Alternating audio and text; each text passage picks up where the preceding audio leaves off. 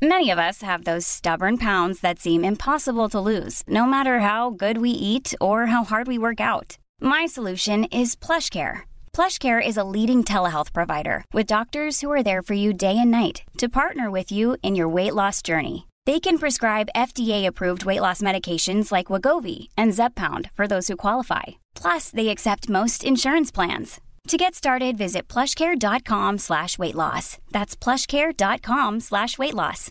Hey, I'm Ryan Reynolds. At Mint Mobile, we like to do the opposite of what Big Wireless does. They charge you a lot, we charge you a little. So naturally, when they announced they'd be raising their prices due to inflation, we decided to deflate our prices due to not hating you. That's right. We're cutting the price of Mint Unlimited from $30 a month to just $15 a month. Give it a try at mintmobile.com slash switch. $45 upfront for three months plus taxes and fees. Promo for new customers for limited time. Unlimited more than 40 gigabytes per month. Slows. Full terms at mintmobile.com. Many of us have those stubborn pounds that seem impossible to lose, no matter how good we eat or how hard we work out. My solution is PlushCare. PlushCare is a leading telehealth provider with doctors who are there for you day and night to partner with you in your weight loss journey. They can prescribe FDA-approved weight loss medications like Wagovi and Zepbound for those who qualify. Plus, they accept most insurance plans. To get started, visit plushcare.com slash weight loss. That's plushcare.com slash weight loss.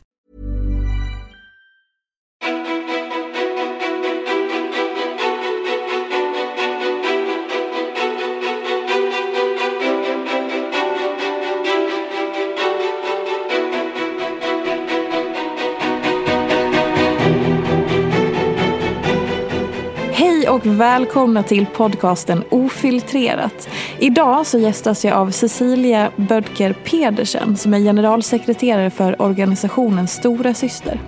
Stora Syster erbjuder stöd till de som blivit utsatta för våldtäkt eller andra sexuella övergrepp. Och de arbetar stödjande och kunskapshöjande för ett jämställt samhälle fritt från sexuellt våld. Hej och välkommen hit Cecilia. Tack så mycket. Om man inte känner till er, stora syster, vad är det första man behöver veta om det arbetet som ni gör? Ja, men jag tänker du sammanfattar det ganska väl. Vi är i grunden en stödorganisation för eh, den som antingen är utsatt för sexuellt våld nu, som lever i pågående utsatthet eller som har blivit utsatt tidigare och som behöver stöd i sin bearbetning av det man har varit med om. Så att vi har en stor stödverksamhet där vi tar emot omkring 2500 personer årligen. Eh, men vi ser ju också att eh, det sexuella våldet behöver ju stoppas. Så att vi arbetar också kunskapshöjande brett. Både för att minska förekomsten av sexuellt våld i samhället men också för att minska förekomsten av psykisk och sexuell ohälsa till följd av utsatthet för sexuellt våld. Och när man ska... Alltså, när jag satt igår också och bara så här läste igenom er hemsida och, och fick liksom både eh, information och kunskap och allt möjligt så, så blir man så här var, var börjar man någonstans? Hur ska man... Vad fan? Alltså det, det blir så stort och det, det, kan bli, det blir också väldigt känslomässigt såklart och det är väldigt... Mm. Eh, eh, det är ju inte så hoppfullt om man får säga så för att det är så, det är så massivt och det är så stort problem och det är så vanligt. Men om jag bara börjar med den frågan då, så här, var börjar man? Ja, det är ju en, en stor fråga. Jag tänker att det första steget tänker jag är att, att man faktiskt orkar och vågar göra som du har gjort, där man tar in att det sexuella våldet är ständigt närvarande och förekommande i vårt samhälle. Det är extremt många, framförallt unga tjejer, som blir utsatta för sexuellt våld. Sen är det ju många som reagerar eh, med att man kanske inte orkar ta in det här och eh, det är för otäckt att tänka på det blir mörkt och det känns hopplöst och då gör ju det att man kanske inte alls tar tag i frågan. Så jag tänker att det första steget är ju att faktiskt acceptera och förstå att eh, vi har ett väldigt stort problem med sexuellt våld i samhället och det drabbar framförallt unga kvinnor. Och, och, när vi säger att det är ett stort problem, kan du, kan du ge någonting som, som man kan eh, eh, luta sig, mm, alltså, kan du ge oss någonting som, som berättar hur stort och vanligt det är? Bara för att konkretisera det lite. Ja, vi har ju eh, Brottsförebyggande rådet gör ju varje år en nationell trygghetsundersökning för att försöka fånga upp brottsutsatthet i Sverige. Eh, och under förra, året, eller förra årets rapport visade att eh, var fjärde ung tjej i Sverige blev utsatt för ett eller flera sexualbrott under förra året. Eh, vi kan också titta på anmälda brott. Det anmäldes omkring 25 000 sexualbrott i Sverige varav lite drygt 9 500 klassades som våldtäkt. Och vi vet ju också att ehm, de allra flesta sexualbrott anmäls inte. Uh, ungefär var tionde sexualbrott anmäls. Så det visar ju på att det här är ett väldigt stort problem i Sverige. Alltså 9 000 anmälda? Våldtäkter, Våldtäkter. och 25 000 anmälda sexualbrott. Det är så många frågor här. Ehm, och, och, och, i det här då, för det, det, det, första som poppade upp i huvudet då när du sa de här siffrorna var också så här. Det kanske är lätt att man någonstans i, i illusionen av att man inte orkar ta in verkligheten riktigt för att det är för skrämmande som du säger. Att man då tänker att så här, men allt det där skrivs inte om i tidningen. Det är ju bara så här, oh nu har någon blivit våldtagen, en rubrik. Och så kanske man då försöker så här, för, tänka att så här, okay, men det är bara när det skrivs om som det händer. Mm. För att man ska orka ta in det. Och alla de där då 9000 blir då plötsligt en Nej, nej, nej. Det är inte bara de som skrivs om utan det är så mycket mer. Vad, vad är det? Ja, det är som sagt så många frågor. För det är också, det, när det väl skrivs om, om våldtäkter eller sexual, sexual, sexualbrott så blir det också ofta att kvinnan eh, hamnar i fokus istället för mannen och förövaren. Mm. Som sagt, det är så mycket här. Ja. Var ska vi börja? Var ska vi börja? Nej, men jag börja? tänker, du är lite inne på vad som rapporteras i media och det kan ju vi se Eh, ofta är lite skevt. Jag vet inte, det kanske börjar bli bättre att eh, media börjar få upp ögonen för hur det sexuella våldet faktiskt ser ut. Men vi ser att det fortfarande är ofta de här liksom, överfallsvåldtäkterna eh, som ofta har, sker utomhus, som har inslag av fysiskt våld. Det är ofta de som får utrymme i media. Och så ser ju inte den liksom vanligaste våldtäkten ut. Utan eh, ofta så begås ju våldtäkter eh, i hemmet av någon man är i en relation med eller någon man dejtar, någon man har träffat på en fest eller följt med hem eller någon i ens egen familj. Eh, och det eh, sexuella våldet får ju inte samma rubriker som de här eh, undantagsvåldtäkterna som det faktiskt är, de här överfallsvåldtäkterna som sker ute i, i mörka parker. Vilket är det som jag tänker vi som kvinnor ofta matas med att det är det vi ska vara rädda och oroliga för. Och vi ska ha olika eh, vad säger man, strategier för att skydda oss mot den här typen av våld. Men eh, rent statistiskt är ju den farligaste kvinnan, eh, den farligaste platsen för kvinnan är ju i ens eget hem eller i, hemma hos någon annan man, man känner. Mm. Ja, som sagt, det är så mycket i det här. Och tack, alltså jag vill bara bli också så tacksam för att dels att du är här och pratar om allt det här och sen det arbetet som ni gör.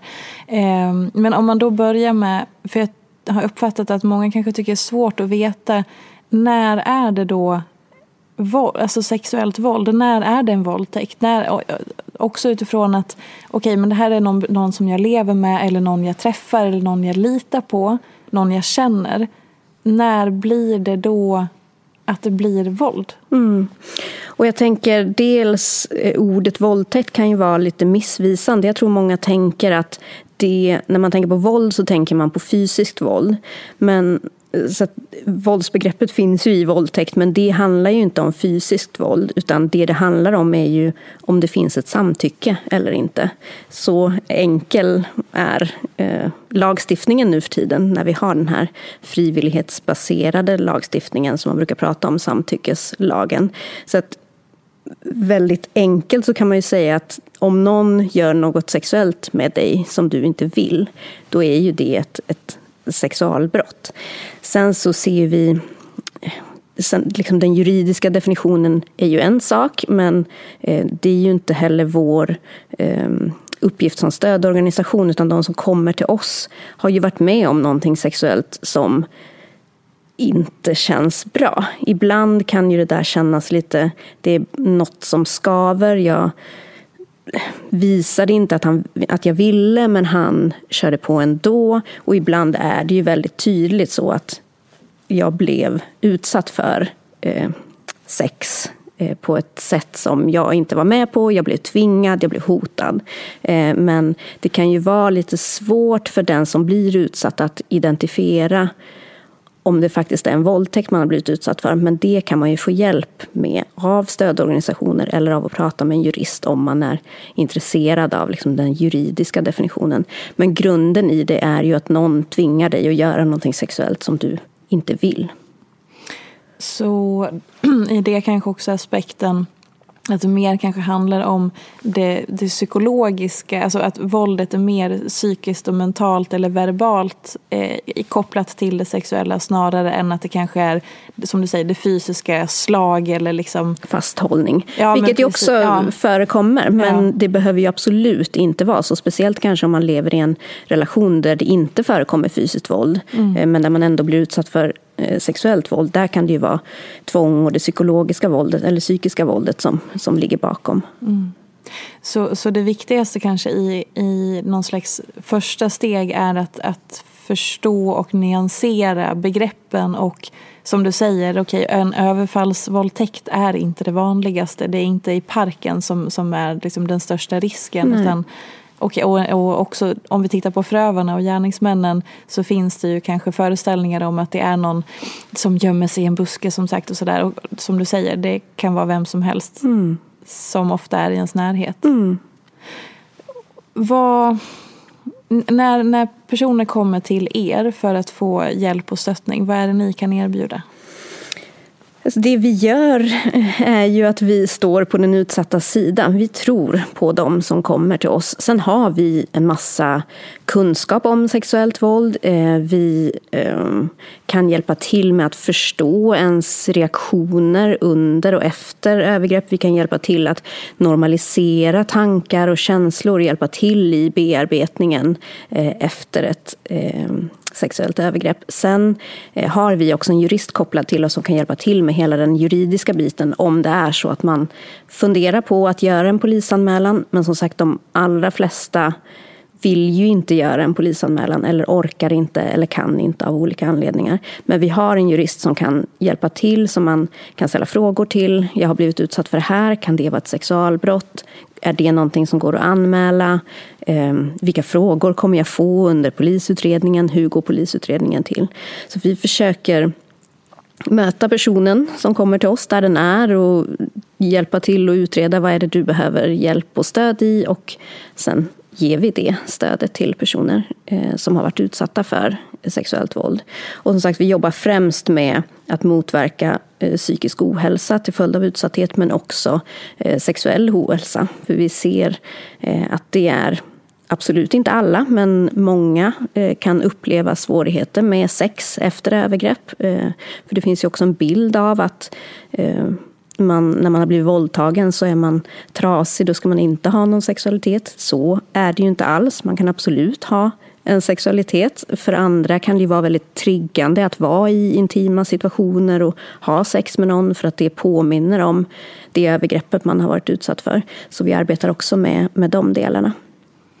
Och om vi börjar någonstans i eh, du sa att ni kan hjälpa till med liksom reaktionerna och allting som kommer efteråt. Hur, hur Finns det någon eh, vanlig, alltså, vanligt scenario i hur reaktionerna brukar komma? Ehm, eh, ja, missförstå mig.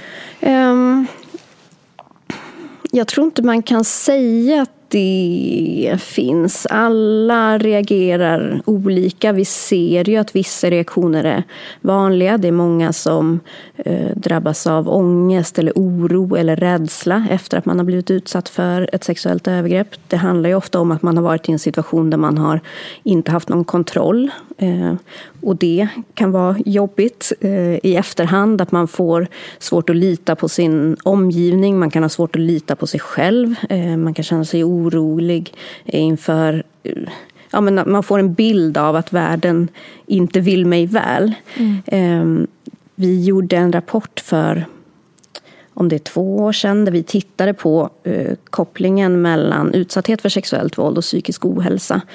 Och där såg vi att Eh, det var över 5 000 svarande i den studien eh, och där rapporterade var tredje person att de hade fått eh, självmordstankar efter att ha blivit utsatt för sexuellt våld. Och 16 procent i den undersökningen hade också gjort suicidförsök.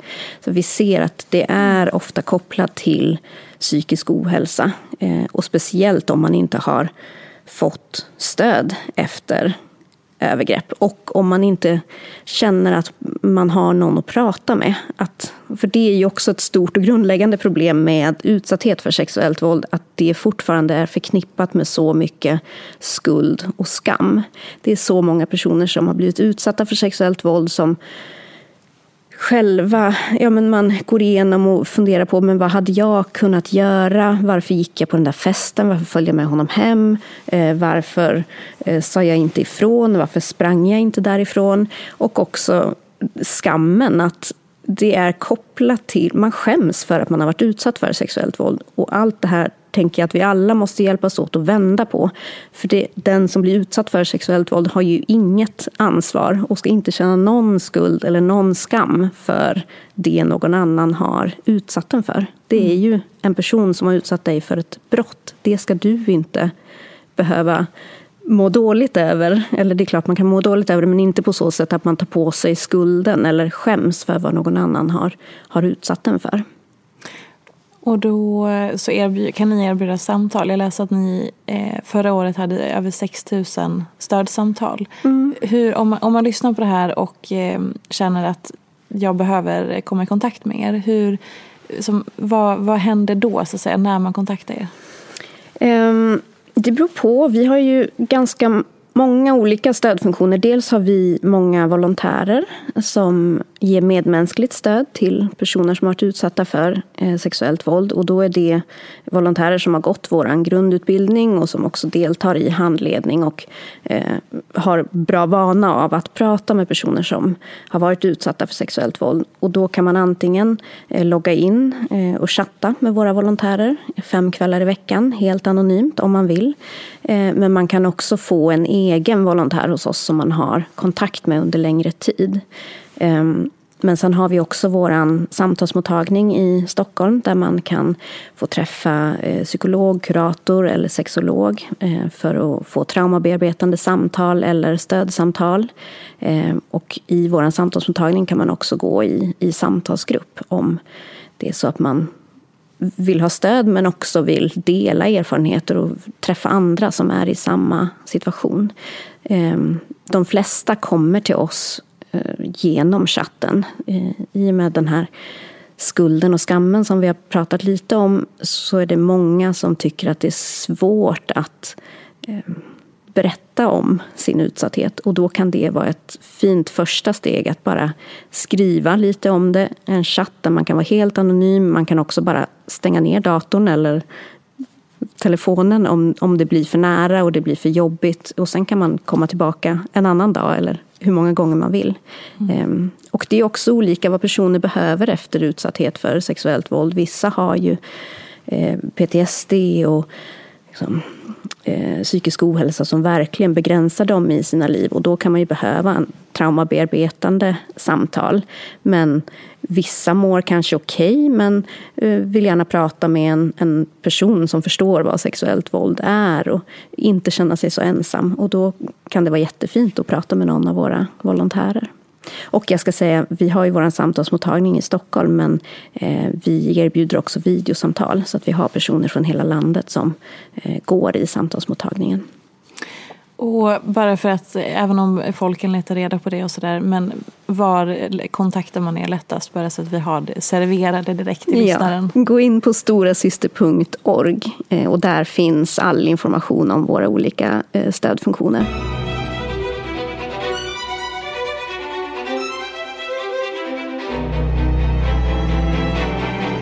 I, I ditt arbete som generalsekreterare, vad, vad, vad är det som du framför allt eh, gör för dig att eh, jobba med det här? Eh, vad det gör för mig? Ja. Um, det är ju Jag är socionom i grunden. Jag har, ett, jag har alltid arbetat med sociala problem eller människor som inte mår bra eh, utifrån någon tanke om att man kanske kan hjälpa till att göra världen till en lite bättre plats. Eh, det låter ju jag vet inte. Men jag kommer ju liksom därifrån och när man väl har eh, börjat öppna ögonen för de problem vi har i vårt samhälle så är det ju svårt att inte, eller i alla fall för mig, svårt att inte ta tag i det. Och jag har eh, mer och mer rört mig mot eh, kvinnor och flickors rättigheter. Eh, och då, jag har volontärat på eh, tjejjourer tidigare och varit engagerad på olika sätt. Och det sexuella våldet har liksom trängt sig på mig. Det har inte gått att värja sig från. Och jag har också sett de skadeverkningar som det sexuella våldet har. Så att jag har... Ja, men det är en sån frustration i mig och en ilska i mig att det ser ut så här och att så många unga flickor och eh, tjejer och unga kvinnor blir utsatta för det här. Så att det jobbet ger mig är ju rent konkret att jag kan vara en del i förändringen och faktiskt gör någonting aktivt för att förbättra den här situationen.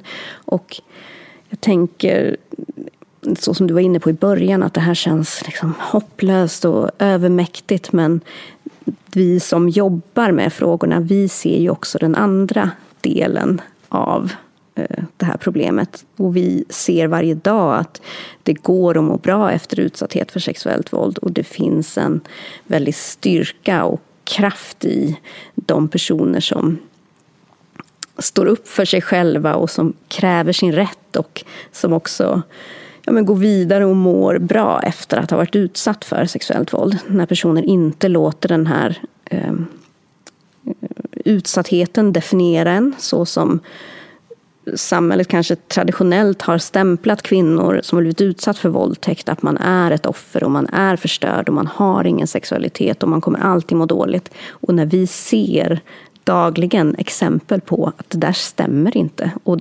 utsattheten, att man blir våldtagen definierar överhuvudtaget inte dig som person. Det är ett brott som någon har begått mot dig och det har ingenting med dig att göra och det går att må bra efteråt och det är en sån det finns sån styrka i det. Så det skulle jag säga är mm. det som det här jobbet ger mig. Fantastiskt. Som du sa, ni ser också andra sidan. För om vi, om vi då ska eh, belysa det lite mer också i så här, för ibland säger folk att det går ju framåt och sådär. Mm. Vad säger du om det? Jo, men det håller jag med om. Sen eh, kanske det är någon typ av mekanism hos mig som måste vara hoppfull för att orka jobba med eh, det här. Men jag kan se, jag har jobbat på Stora Syster i åtta år och jag kan verkligen se framsteg bara från eh, när jag började. Hur samtalet i samhället förs. Vi såg ju eh, metoo-rörelsen som kom 2017. Vi fick vår nya samtyckeslagstiftning på plats 2018. Eh, jag tänker här att jag kan bli inbjuden till en podd och sitta och prata om de här eh, frågorna. Vi ser en förbättrad medierapportering eh, som inte bara inriktar sig på de här eh, överfallsvåldtäkterna utan som faktiskt har en ansats att beskriva sexuellt våld för hur det faktiskt ser ut. Så jag känner mig hoppfull kring att frågan om sexuellt våld får större utrymme. Och ju mer vi pratar om sexuellt våld, desto mindre otäckt kommer det bli att prata om sexuellt våld. Och desto lättare kommer det bli för personer som blir utsatta att förstå att de har varit utsatta för sexuellt våld, att sätta ord på det och då också kunna få stöd. Och ju mer samhället förstår att hur det sexuella våldet ser ut, hur vanligt det är, desto mindre tänker jag också att skammen eh, kommer bli för de personerna som blir utsatta. Och jag tänker också bland unga tjejer, det finns en helt annan eh, medvetenhet. Det är ju många fler idag som identifierar sig som feminister än vad det var när jag var ung. Det finns en... Eh, man vet att jag har rätt rätt att inte bli tafsad på, att inte bli kallad hora, att få ha min kropp i fred och jag har rätt att bestämma över vem jag vill ha sex med. Det kanske vi också egentligen visste när jag växte upp men det här samtalet kring det fanns inte.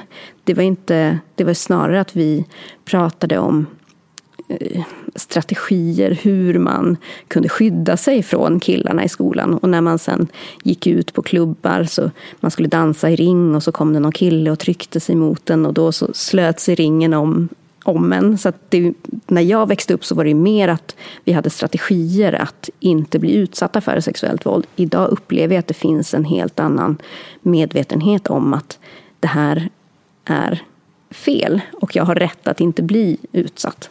Så att jag känner mig hoppfull och att ut, eh, utvecklingen går framåt. Sen ser vi att det fortfarande finns otroligt mycket att göra. Nu, eh, i, vi har ju valår i år och vi arbetar också med politisk påverkan. Eh, för det är ju där vi tänker att besluten måste fattas så att eh, situationen ska förbättras för personer som blir utsatta för sexuellt våld. Och där finns ju otroligt mycket att göra. Och vi har ju nu under våren så har vi livesända samtal med alla partiledare. Och det är ju, alla är ju emot sexuellt våld och tycker vårt arbete är jätteviktigt. Så att det finns liksom en politisk enighet där. Men vi ser kanske inte att så mycket konkreta saker blir till. Vi ser inga tydliga politiska, eller jag ska inte säga inga, saker görs. Men det finns ändå en frustration hos oss som arbetar med frågorna att det är så pass politiskt eftersatt. Mm. Vad, om du fick eh, då önska eller vända direkt till, då, liksom till politiken, och så här, vad hade man behövt göra som några första steg i så här, det här skulle faktiskt göra direkt skillnad utifrån det ni ser? Vi har under eh, det här valåret så driver vi framförallt, eller det är tre områden som vi är inriktade på. Dels att det ska finnas eh, vård och stöd för personer som blir utsatta för eh, sexuellt våld. Vi har ju här i Stockholm finns det en akutmottagning för våldtagna men det är tror jag, den enda som finns i Sverige. Så att vi ser också att vården efter utsatthet för sexuellt våld ser väldigt olika ut beroende på vart i landet man bor. Så det är en sån sak vi pratar om, att det ska finnas kompetens inom hälso och sjukvård att ta hand om den här målgruppen. Ehm, och också att det ska finnas icke-akutstöd. Eh, nu görs ju mycket av det arbetet av oss ideella organisationer. Eh, det är många som kommer till oss som kanske har sökt hjälp på sin vårdcentral eller inom psykiatrin. Eh, men där det finns någon typ av beröringsskräck eller att man inte har kompetens. Man törs inte prata om utsatthet för sexuellt våld. Så att vi ser att även det icke-akuta stödet till personer som har blivit utsatta för sexuellt våld behöver stärkas. Sen så tittar vi också på rättsväsendets eh, arbete med sexualbrott. Eh, som jag sa här i början så är det bara eh, var tionde sexualbrott som blir anmält eh, och av de som blir anmälda är det bara en liten andel som går till eh, rättegång och ännu färre blir det en fällande dom i. Eh, så vi ser att mycket behöver förbättras i rättsväsendets och polisens arbete med sexualbrott så att utsatta först och främst känner att de kan, att det finns möjlighet att anmäla sexualbrott. Men också att det finns en kompetens inom polis och rättsväsende att ta hand om och göra robusta utredningar brukar man prata om, men att, att man gör alla utredningsåtgärder eh, som, som kan göras i de här brotten så att det sen ska hålla till att gå till rättegång. Eh, och vi, samma sak där, vi är ju för att det ska finnas eh, specialiserade enheter som arbetar med de här frågorna. För vi tror att om det är poliser och utredare som har vana av och kompetens av i att möta personer som varit utsatta för sexuellt våld så kommer det också leda till bättre kvalitet i utredningarna. Och det har börjat komma till på lite olika ställen i landet att det finns specialenheter som, som arbetar specifikt med sexualbrott.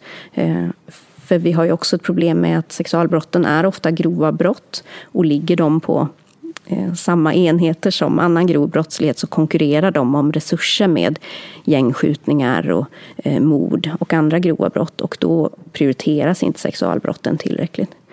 Och det tredje området som vi tittar på är finansieringsfrågan. Att, som jag sa, det är mycket av stödet till vår målgrupp ges av eh, civilsamhället, alltså olika ideella organisationer. Men vi har ingen stabil finansiering för att bedriva det här arbetet. Eh, så det tittar vi också på, att det ska, när man är en stödorganisation eller en organisation som också arbetar för att motverka eh, sexuellt våld så tycker vi att samhället ska hjälpa till att finansiera våra verksamheter eftersom det här stödet ofta saknas i det offentliga. Mm. Fick jag bli lite politisk här? Ja, men så otroligt viktigt. Jag börjar så här, berätta mer. Säg, säg, ta utrymmet till det. Det är så viktigt. Eh, och om man då vill eh, stötta eller bidra på något vis, eh, hur kan man göra det?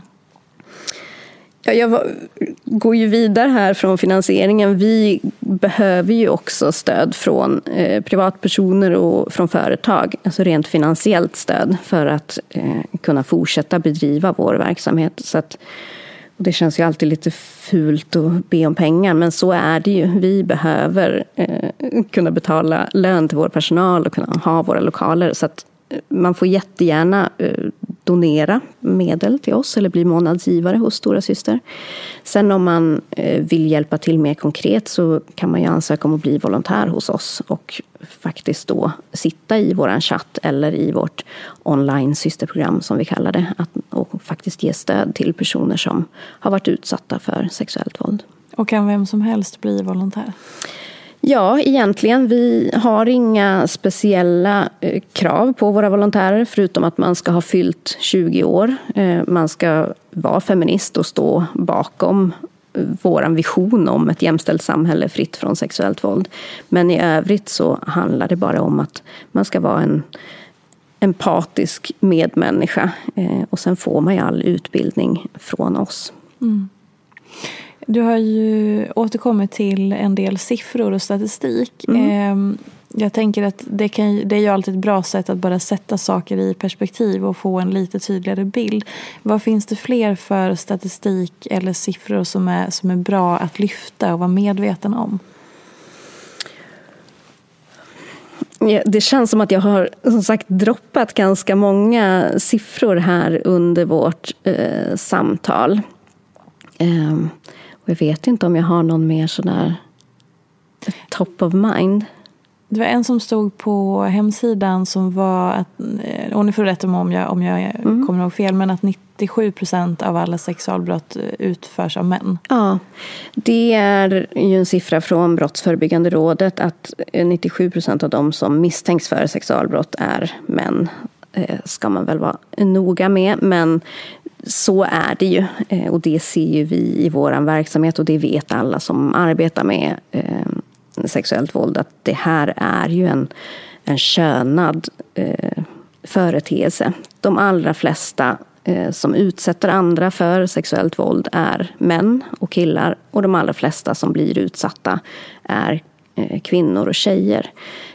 Och med det sagt så är det ju också viktigt att inte glömma de eh, killar, män och pojkar som också blir utsatta för sexuellt våld och också att det finns ju såklart även kvinnliga förövare. Men den stora majoriteten av de som utsätter andra för sexuellt våld är män. Mm. Och också det finns, det finns ju så mycket fördomar kring, som du också har varit inne på, just liksom kring hur man då ska vara eller inte vara som offer eller om man har blivit utsatt eller okej okay, den här eh, våldtäktsmannen i parken och så vidare. Så många fördomar och eh, kanske fantasier. Och då, då, är det väl också så här, ja, men det är inte så vanligt i Sverige att Sverige, eh, att vi har eh, våldtäktsmän här eller sådär. Mm. Va, vad säger du om det? Nej men det tycker jag att eh, alla, man kan ju bara titta på den officiella brottsstatistiken så ser man ju svart på vitt att ja, men det här har vi definitivt ett problem med i Sverige. Och återigen, när man tittar på brottsstatistik så ska man komma ihåg att de allra, allra flesta sexualbrott inte anmäls. Men det finns ju vissa och det här kanske också handlar om det som vi var inne på precis i början, att det här är liksom otäckt, det är svårt att ta in, man vet inte hur man ska förhålla sig. Och det är klart att det är bekvämt att då kanske gå till förklaringsmodellen, ja men det här händer inte i Sverige, det här är någonting som finns i andra kulturer, vi har ju eh, Vissa eh, personer i samhället vill ju få det här till att det här är liksom ett invandrat problem, att det här är kopplat till invandringen. Men så är det inte. Det finns inga andra gemensamma faktorer hos dem som begår sexualbrott. Inget annat än att det faktiskt är män som begår den här brottsligheten. Det handlar inte om kultur eller samhällsklass eller eh, politisk tillhörighet eller vad man nu eh, har för urvalskriterier. Men utan det handlar om att det här är män som begår sexuellt våld mot kvinnor. Och det sker i alla länder och i alla kulturer och har så skett i, i alla tider. Mm. Sen så, det vet jag i och för sig inte om jag har hört på ett tag nu, men för några år sedan så var det mycket prat om liksom, Sverige var the rape capital of the world och sådär. Att vi hade eh, ett väldigt stort problem med eh, sexualbrott och sexuellt våld. Eh, men det tror jag snarare handlar om att vi faktiskt har ganska många anmälda sexualbrott varje år. Vilket mm. kanske snarare pekar på att kvinnor förstår att de har blivit utsatta för sexuellt våld. Vi har ett pågående samtal i samhället om att det här är brott och det är fel och man har rätt att anmäla och man har rätt att få stöd. Och också att vi har ett, ett rättssystem, även om det har sina brister så har vi ändå ett rättssystem i Sverige som där man, som, som svenskarna litar på. Att man tänker ändå att jag har blivit utsatt för ett brott och då kan jag gå och anmäla det och samhället kommer att ta hand om mig. Eh, så jag tror snarare att vi har så pass eh, många eh, sexualbrott som anmäls i Sverige tror jag snarare beror på att vi pratar om de här frågorna, att det finns utrymme för eh, utsatta att förstå sin utsatthet och också att, att anmäla. Någonting som man eh, tyvärr behöver lyfta också när det kommer till eh, den här typen av samtal så är det väl också att det är ju inte bara vuxna som blir utsatta. Nej. Nej, eh, ungefär en tredjedel av de personer som kommer till oss varje år är barn. Eh, det vill säga barn, personer under 18 år. Eh, och de är ju oftast utsatta av någon i sin närmaste familj. Det är ofta eh, pappa eller eh, en bror eller en farbror, farfar. Det är ofta någon eh, som lever väldigt nära barnet och som barnet ofta har en nära relation till, någon barnet älskar och, och litar på och någon som borde finnas där och skydda det här barnet. Eh, och det finns ju en väldig komplexitet i det. Det gör ju att, eh, och överhuvudtaget barn eh, litar ju på vuxna och är utlämnade till vuxna. Så att det är ofta svårt för barn att förstå att det de blir utsatta för är fel. Eh, de här förövarna är ofta väldigt duktiga på också att hota barnen till tystnad eh, på olika sätt. Att eh, ja, men något dåligt kommer hända ditt husdjur eller din mamma om du berättar om det här. Eller också att man använder mm, att man uttrycker att ja, men, eh, dina kompisar kommer tycka att du är äcklig om det kommer ut att du eh, gjorde det här och du var ju med på det och du ville ju. Så där, ja. Och det är ju en väldigt svår utsatthet eh, eftersom barn är så skyddslösa. Och där hade vi tyvärr inte tekniken med oss så vi får avrunda lite abrupt den här gången och jag vill rekommendera dig att fortsätta läsa, sprida avsnittet vidare, prata om de här viktiga och obekväma, svåra frågorna för vi behöver fortsätta lära oss och lära varandra helt enkelt. Jag rekommenderar att du lyssnar på avsnitt 35 av Ofiltrerat där jag gästas av Elaine Eksvärd. Vi berör också de här ämnena. Hon delar med sig av sin viktiga, viktiga historia. Vill du läsa mer eller stötta Stora Systers fantastiska och viktiga arbete så gör du det på storasyster.org. Tusen tack till Cecilia som kom hit och pratade om det här viktiga ämnet. Och tack till dig som har lyssnat. Vi hörs igen nästa vecka. Puss och kram. Följ mig gärna i sociala medier. Jag finns på Instagram som peterfia och bloggar på peterfia.se. Jag blir så glad om du vill recensera den här podden, prenumerera och lämna gärna önskemål på gäster. Vi ses i sociala medier. Ha det gott så länge. Hej då! En podd från Allermedia.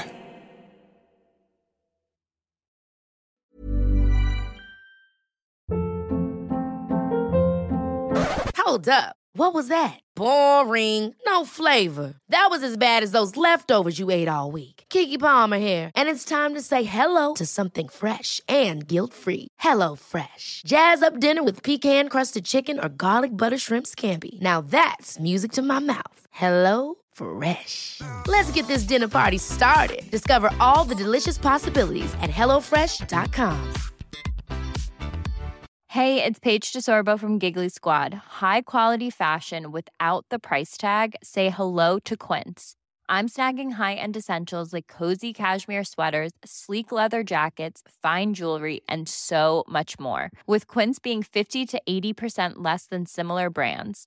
And they partner with factories that prioritize safe, ethical, and responsible manufacturing. I love that. Luxury quality within reach. Go to quince.com slash style to get free shipping and 365 day returns on your next order. Quince.com slash style.